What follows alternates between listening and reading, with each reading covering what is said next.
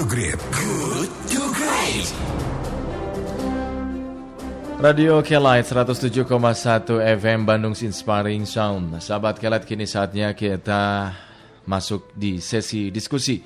Yang pagi ini kita akan membahas tema bagaimana mengoptimalkan perlindungan pada tenaga medis sebagai pejuang di gara depan melawan pandemi corona.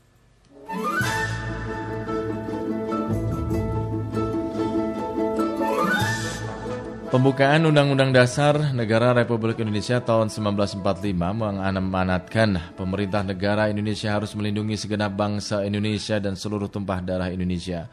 Nah, dengan begitu pemerintah diwajibkan untuk melindungi keselamatan termasuk dalam masa pandemi sekarang ini, melindungi kesehatan seluruh rakyat Indonesia. Pada titik ini, pemerintah memerlukan bantuan tenaga dari para dokter, tim medis, dan perawat yang akan berada di garda terdepan dalam perang melawan virus yang mematikan. Maka bisa dikatakan layaknya tentara yang maju perang untuk melindungi keamanan bangsa dari musuh yang akan menyerbu. Para dokter dan jajaran petugas medis pun maju perang untuk melindungi kesehatan bangsa dari serangan virus corona. Nah kita ketahui di tengah pandemi COVID-19 tenaga para tenaga kesehatan sudah mempertaruhkan risiko yang sangat besar yaitu kesehatan dan bahkan nyawanya sendiri.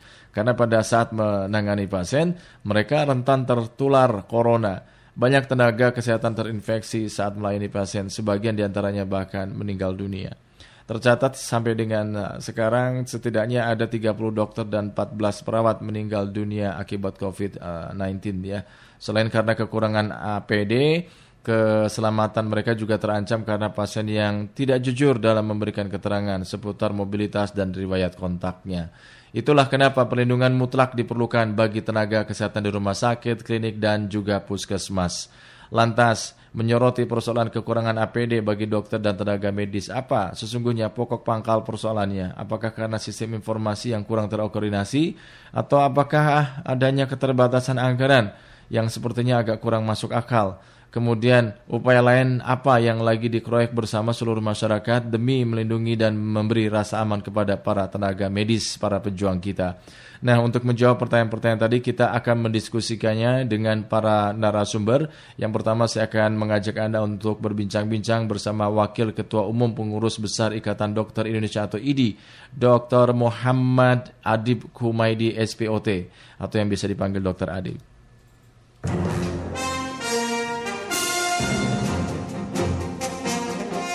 Assalamualaikum warahmatullahi wabarakatuh, Dokter Adib. Waalaikumsalam, Kang Ijul. Apa pagi juga anda sahabat Kailat semua. Yes, apa kabar dokter? Alhamdulillah baik. Alhamdulillah, semoga sehat-sehat terus ya seluruh uh, para pejuang kita ini yang sekarang sedang Amin. berjuang menghadapi pandemi corona. Dok, setelah pandemi COVID-19 ini berlangsung selama kurang lebih dua bulan ya, tapi jumlah dokter, tenaga medis dan perawat yang meninggal juga uh, sudah sangat mencemaskan ini. Belum lagi sesekali kita mendengar kurangnya APD yang diperlukan untuk bertugas di ruang-ruang isolasi. Nah, begini dok, bagaimana sih sebenarnya situasi di lapangan sekarang ini? Apakah ya. masih juga mengalami kekurangan APD dok? Ya, jadi memang tidak menjadi faktor satu-satunya APD itu. Oke. Okay karena memang di awal kemarin eh, problem di APD memang itu ini menjadi problem yang hampir di semua wilayah dan teman-teman rasakan gitu loh. Mm-hmm. Mm-hmm. Tapi pada saat ini terus kami juga harus berterima kasih kepada satu dari pemerintah pusat, pemerintah mm-hmm. daerah, partisipasi dari swasta dan partisipasi dari masyarakat yang cukup banyak eh, responnya. Mm-hmm. yang kemudian membantu kami untuk kelengkapan APD. Okay. Walaupun ada beberapa hal yang memang masih kurang karena mm kalau saat ini yang kita masker sudah mulai mm. ada, cuman khusus pada masker N95 yang memang itu khusus untuk tenaga medis itu yang kurang. Itu yang kurang masih itu, kurang. Itu, itu itu kurang itu karena problem di seluruh dunia karena ketersediaan mm. masker N95 ini memang dibutuhkan untuk di seluruh dunia. Tapi mm. untuk baju hazmat kemudian face shield yang untuk helm Google untuk kacamata itu hmm. alhamdulillah kita banyak sekali mendapat bantuan dari uh, semuanya terutama dari masyarakat gitu loh. Artinya itu tidak itu, tidak tidak terlalu kurang lagi ya. Ya ada beberapa wilayah. Jadi hmm. problem yang saat ini kalau bicara terkait dengan jumlah kuantiti saat ini mungkin sudah tercukupi dalam artian eh, teman-teman uh, sudah. Tapi ada beberapa wilayah terutama di daerah yang distribusinya belum merata ke mereka sehingga mereka masih uh, kekurangan. Yeah, yeah, tapi yeah. yang paling penting sekarang bukan masalah uh, ketersediaan saat ini, tapi yang penting kuantitinya ini harus kita jaga ketersediaannya. Mm. Karena APD itu adalah alat yang habis pakai yang hmm. kemudian nanti dia uh, apa namanya dalam satu jangka waktu tertentu pasti habis sehingga yang perlu dijaga itu adalah kontinuitas dan hmm. ketersediaannya itu tadi. Okay. Kalau mamanya sekarang saat ini ada, tapi kan ini kan kita belum tahu nih. Yeah. COVID ini sampai kapan kan? Betul. Sehingga kita harapkan ini yang juga menjadi perhatian untuk uh, kuantiti dan uh, apa kontinuitasnya ini tetap harus diperhatikan gitu loh. Hmm. Uh, sudah ada standar hitungan berapakah yang harus dipenuhi untuk menjaga kontinuitas ini, dok? Ya, jadi kalau kalau hitungannya kita gini, kalau semuanya diminta untuk melayani COVID, yeah. ya berarti kan harus menghitung sejumlah fasilitas kesehatan, sejumlah tenaga, dalam arti kita punya dokter aja 185 ribu, okay. perawat sejuta hampir sejuta dua ratus ribu juga.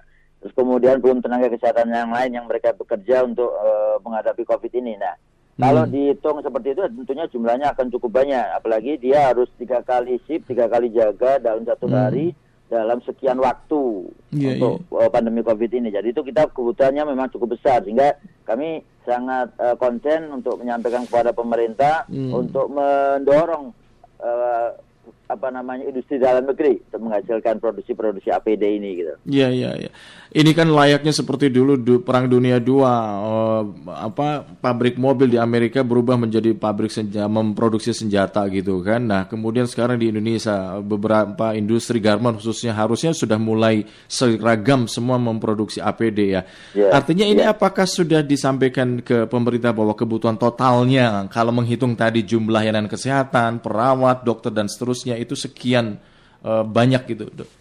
Ya sudah. Jadi dan saya lihat juga ada dorongan dari pemerintah untuk kemudian industri-industri uh, garment terutama yeah. banyak juga UMKM juga yang hmm. kemudian didorong untuk memproduksi APD tapi tentunya yang dibutuhkan oleh mereka juga adalah spesifikasi karena kita hmm. butuh standarisasi kan walaupun hmm. proses uji standar mungkin saat ini uh, tidak harus dilakukan karena kita membutuhkan membutuhkan jumlah yang cepat dan banyak itu. Yeah, Tapi yeah. paling tidak uh, industri dan UMKM ini diberikan spesifikasi standar hmm. yang itu menurut WHO yang itu kemudian aman juga buat kami gitu Hmm. Tapi yang paling penting juga Kang Ijul yang yeah. saat ini yang perlu kita perhatikan kalau kita menghitung semua total seperti itu maka memang akan dengan butuh yang jumlah besar. Mm-hmm. Tapi harus ada pengaturan di dalam sistem pelayanan sehingga mm-hmm. tidak semua vaskes itu harus melayani COVID. Mm-hmm. Sehingga kita bisa menghitung untuk kebutuhan APD-nya. Mm-hmm. Bahwa tidak semua dokter, tidak semua rumah sakit itu harus melayani COVID karena kita tahu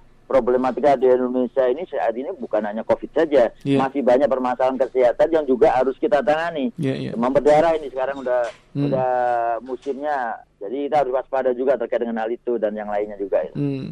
Nah ini dok, ini kan terkait dengan baru saja kemarin larangan untuk mudik ya, tetapi kan sebelumnya pemerintah juga ya. tidak tegas itu boleh mudik tapi begini-begini dan sebagainya. Baru kemarin betul-betul tidak boleh untuk mudik.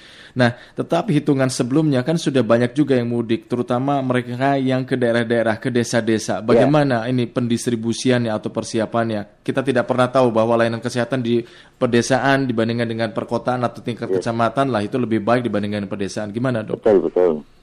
Ya jadi eh, kalau kita konsisten dari awal kita sudah sampaikan, jadi bahkan edukasi kita ke masyarakat sudah kita sebutkan selain stay at home, terus hmm. kemudian jaga jarak. Satu lagi selalu kita sampaikan jangan mudik itu udah hampir sebulan terakhir kita selalu sampaikan gitu loh. Mm-hmm. Artinya profesi kedokteran, profesi kesehatan sudah menyampaikan sosialisasi terkait dengan itu kepada masyarakat. Yeah. Tapi yang paling penting sekarang pada saat kemudian ini menjadi ketegasan daripada pemerintah ini mm. akan lebih baik dengan uh, langkah-langkah tegas terutama adalah melakukan langkah tegas terkait dengan restriksi hmm. uh, perjalanan domestik terutama. Hmm. Jadi restriksinya mulai dari ya darat, perjalanan darat, udara, laut juga harus direstriksi, dibatasi sehingga ini ini juga bisa menjadi eh, bukan tidak mungkin mereka yang sudah pulang dari kemarin mudik itu dia pasti akan kembali lagi. Iya, yeah, iya. Yeah.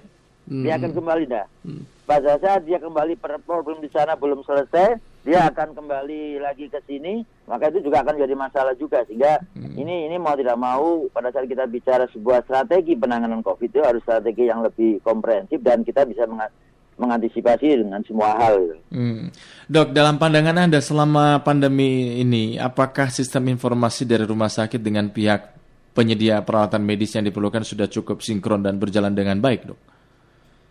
Ya, jadi yang perlu kita perbaiki adalah manajemen logistik sebenarnya. Oke. Okay. Jadi pada saat kemudian kita bicara tadi itu mapping pelayanan, Hmm. Pelayanan setiap fasilitas kesehatan harus punya kemudian uh, antisipasi dengan membuat sebuah manajemen logistik gitu. Hmm. Pada saat dia kebutuhan APD, sarana perasaan obat, alkes yang lainnya itu harus harus ada uh, antisipasi untuk ke depan itu loh. Hmm. Sehingga tidak serta merta kemudian nanti dia butuh langsung ada karena kita tahu bahwa permasalahan di dalam uh, alkes dan obat itu juga butuh waktu kan apalagi ini uh, problem yang dihadapi di seluruh dunia. Kalau kita hmm. hanya mengandalkan impor saja akan menjadi sulit gitu. Hmm. Ini di luar panggilan kemanusiaan yang melekat pada profesi dokter atau tenaga medis ya, uh, dok. Pada saat para dokter yeah. menangani pasien yang positif corona, apakah merasa secure atau justru insecure ini, dok? Ya artinya pasti ya kita juga manusia, dokter juga manusia. Dokter punya rasa kekhawatiran hmm. bukan semata-mata kekhawatiran untuk diri kami. Karena yeah. kita tahu bahwa proteksi itu uh, secure itu adalah selain untuk diri kami sendiri, kita masih menangani pasien yang lain. Mm-hmm. Jadi kita secure juga untuk pasien yang lain. Mm-hmm. Kita masih berinteraksi dengan masyarakat, dengan pegawai rumah sakit, dengan di mana-mana sehingga kita juga harus secure juga untuk orang lain. Apalagi juga secure juga untuk keluarga karena kita kalau pulang ke rumah pun saat ini dengan kondisi seperti saat ini ya mau tidak mau ya kita mulai dari kita menjaga jarak di rumah hmm. juga kita harus menjaga jarak yeah, dengan yeah. keluarga terus dari kita pulang harus bersih bersih mandi dulu kalau perlu kan ada mandi di rumah sakit jadi langkah-langkah ini udah udah begitu sampai dilakukan oleh kami di tenaga kesehatan hmm. karena betapa kami ingin kami itu secure juga untuk orang lain itu. Hmm. Apakah masalah APD tadi masalah yang paling krusial yang dihadapi para dokter? Jadi tadi saya bilang bukan satu-satunya sebenarnya. Oh, okay. Karena kalau sekarang apalagi ketersediaan APD saat ini sudah mulai banyak bantuan. Nah, yang paling penting adalah memperbaiki sistem pelayanan. Kita harus harus uh, pastikan artinya pemerintah harus punya ketegasan untuk memisahkan pelayanan yang mana yang memang pelayanan khusus COVID, hmm. mana yang tidak. Karena saat ini masyarakat juga membutuhkan yang lain. Bukan tidak mungkin nanti angka kematian tinggi bukan karena COVID, tapi karena pasien atau penyakit lain yang tidak bisa ditangani karena semuanya harus menangani COVID gitu. Baik, baik. Dokter Adib, terima kasih Dokter Adib. Semoga saja kami yang mendengarkan ini bisa memberikan support paling tidak untuk tetap diam di rumah gitu ya dok ya. Iya, terima kasih betul itu. Iya, baik dok, ah, dokter Adib terima kasih, tetap sehat, tetap beraktivitas dan Amin. Terima kasih. Salam sukses untuk semua. Assalamualaikum warahmatullahi wabarakatuh. Waalaikumsalam warahmatullahi wabarakatuh. Demikian sahabat kerat Wakil Ketua Umum Pengurus Besar Ikatan Dokter Indonesia IDI, Dokter Muhammad Adib Humaidi SPOT. Dan Anda tentu saja kita sebagai uh, wakil dari masyarakat ya, uh, sebagai uh, pihak yang tentu saja memberikan mandat tertinggi kepada negara dan pemerintah kami undang Anda untuk saling bertukar pikiran, bertukar ide, gagasan, agar dapat bisa saling memperkaya wawasan. Menurut Anda di tengah keterbatasan APD yang kadang kita dengar dikeluhkan oleh beberapa dokter dan tenaga medis, bagaimana mestinya pemerintah menyikapi ini dan kita sebagai civil society mendukungnya? Anda bisa menyampaikannya melalui WhatsApp Kelight FM.